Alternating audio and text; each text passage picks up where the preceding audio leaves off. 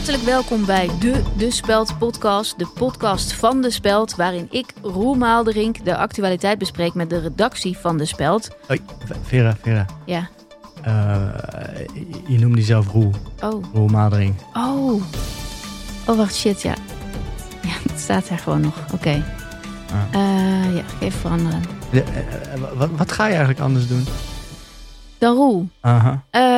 nou ja, wordt in ieder geval tijd dat er een stukje beschaving terugkomt. Oké, nee, dat snap ik al. He, dat het in ieder geval af en toe uh, ook om de gasten gaat. Mm -hmm. Empathie. Oké. Okay. Uh, ik, ga, ik, ik ga hem gewoon even opnieuw doen.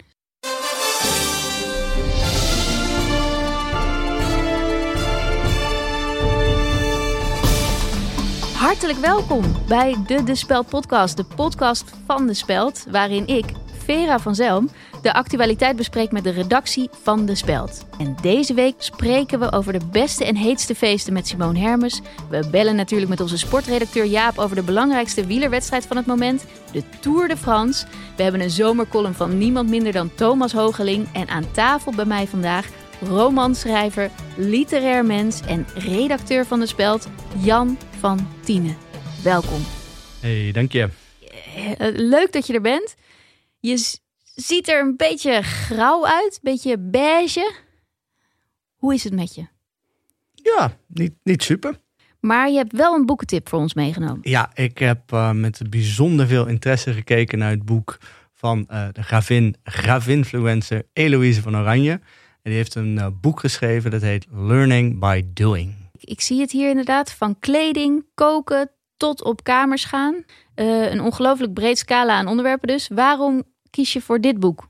Ja, dat boek, het, het, ik, ik, ik zag het liggen en het, het spreekt me zo uh, op een diep persoonlijke manier aan. Mm -hmm. Het gaat me echt aan het hart wat, uh, wat daar ligt, zeg maar. Dat, ja, dit werk. Mooi, ja, wat mooi. Mm -hmm. Want ben jij niet ook zelf een boek aan het schrijven op het moment?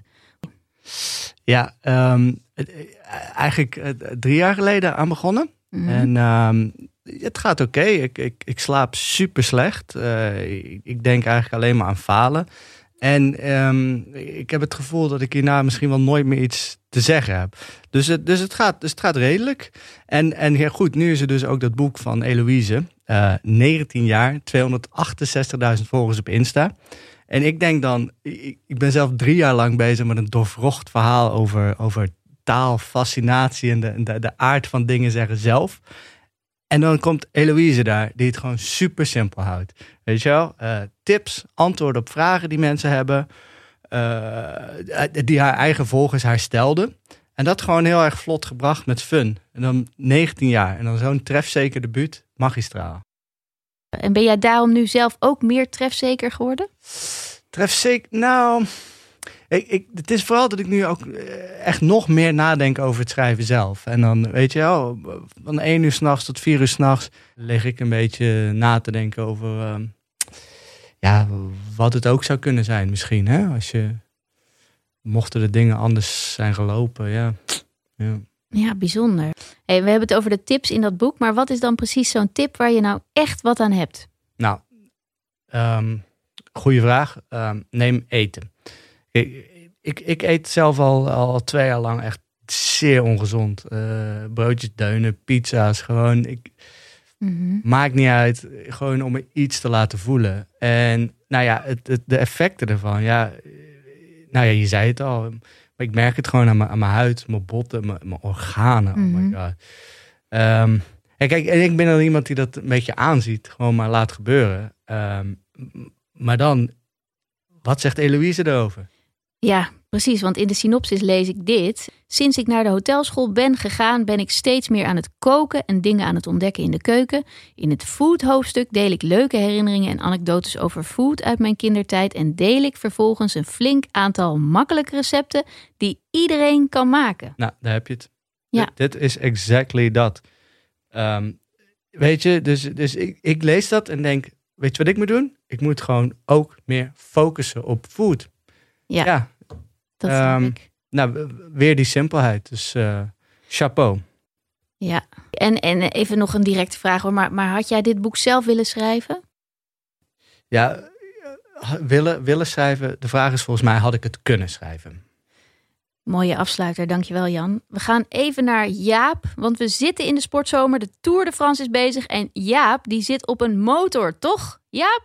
Ja, Vera, eh, we zien daar in de vet wat rijden hoor. We proberen wat dichterbij te komen, maar het is nog een aardig gat. Uh, het moeilijkste deel van de rit zit er inmiddels wel op, maar de wind komt hier wat schuiver naar achteren, dus het blijft gewoon opletten. Waaiers liggen op de deur en je moet niet op de kant komen te zitten hier zo. Dus het is echt erin geblazen en het is natuurlijk ook belangrijk om niet te vallen. we rijden nu onder het bord waarop te zien is dat het nog zo'n 30 kilometer is tot de finish. Terwijl we ondertussen een prachtig kasteel passeren.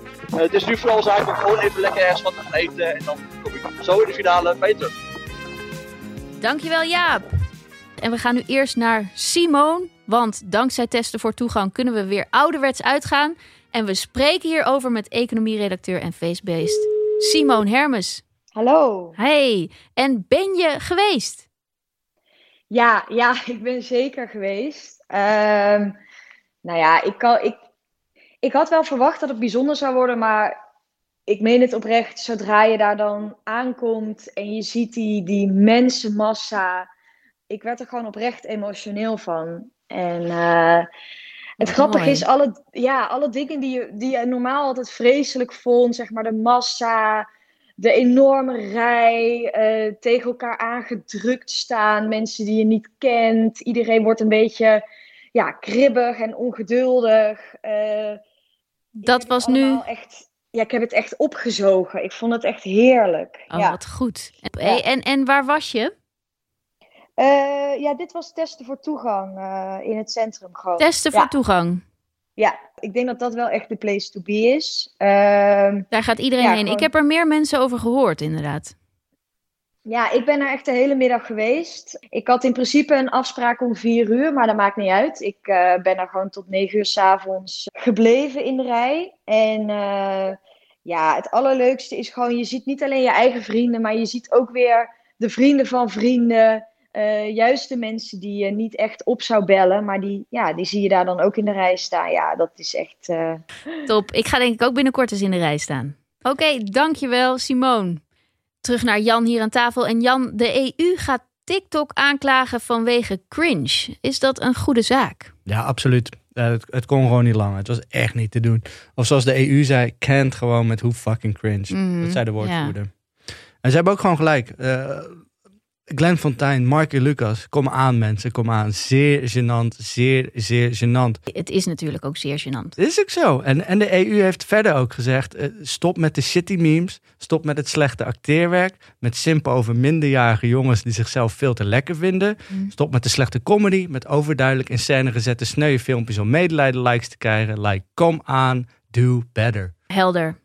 En TikTok ligt natuurlijk ook onder vuur vanwege privacy schendingen. Was dit niet een logischere aanklacht geweest? Voor de EU? Om daarmee te beginnen? Ja. Nee, denk ik niet. Ik, nee, je, je, moet eerst die cringe oplossen. En privacy, dat komt allemaal later wel. Cringe eerst. Dan de rest. Probleem ermee, dus pak dat aan. Ik snap het. Dankjewel.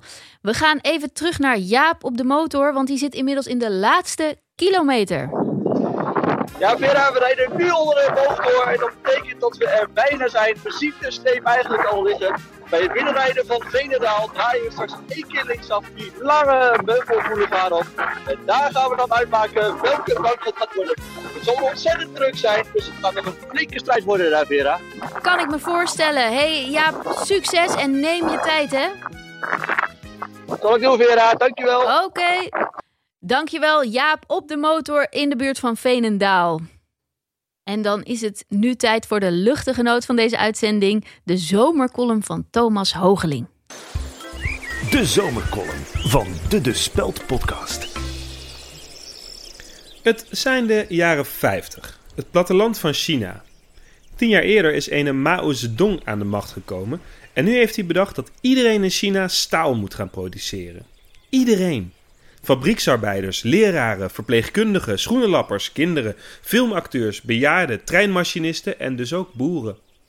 Overal op het platteland verlaten ze hun akkers, waar zoete aardappelen, rijst, tarwe en gerst klaar liggen om geoogst te worden, en trekken naar de bossen, om hout te kappen en vervolgens in een primitieve staalovertjes te gooien. Een hoogwaardige staalproductie zou China er nooit van krijgen.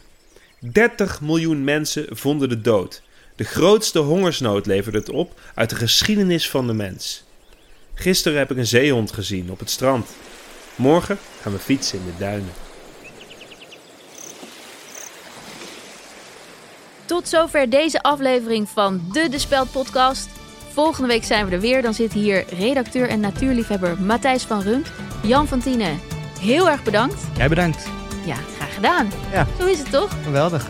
En tot volgende week. Bye.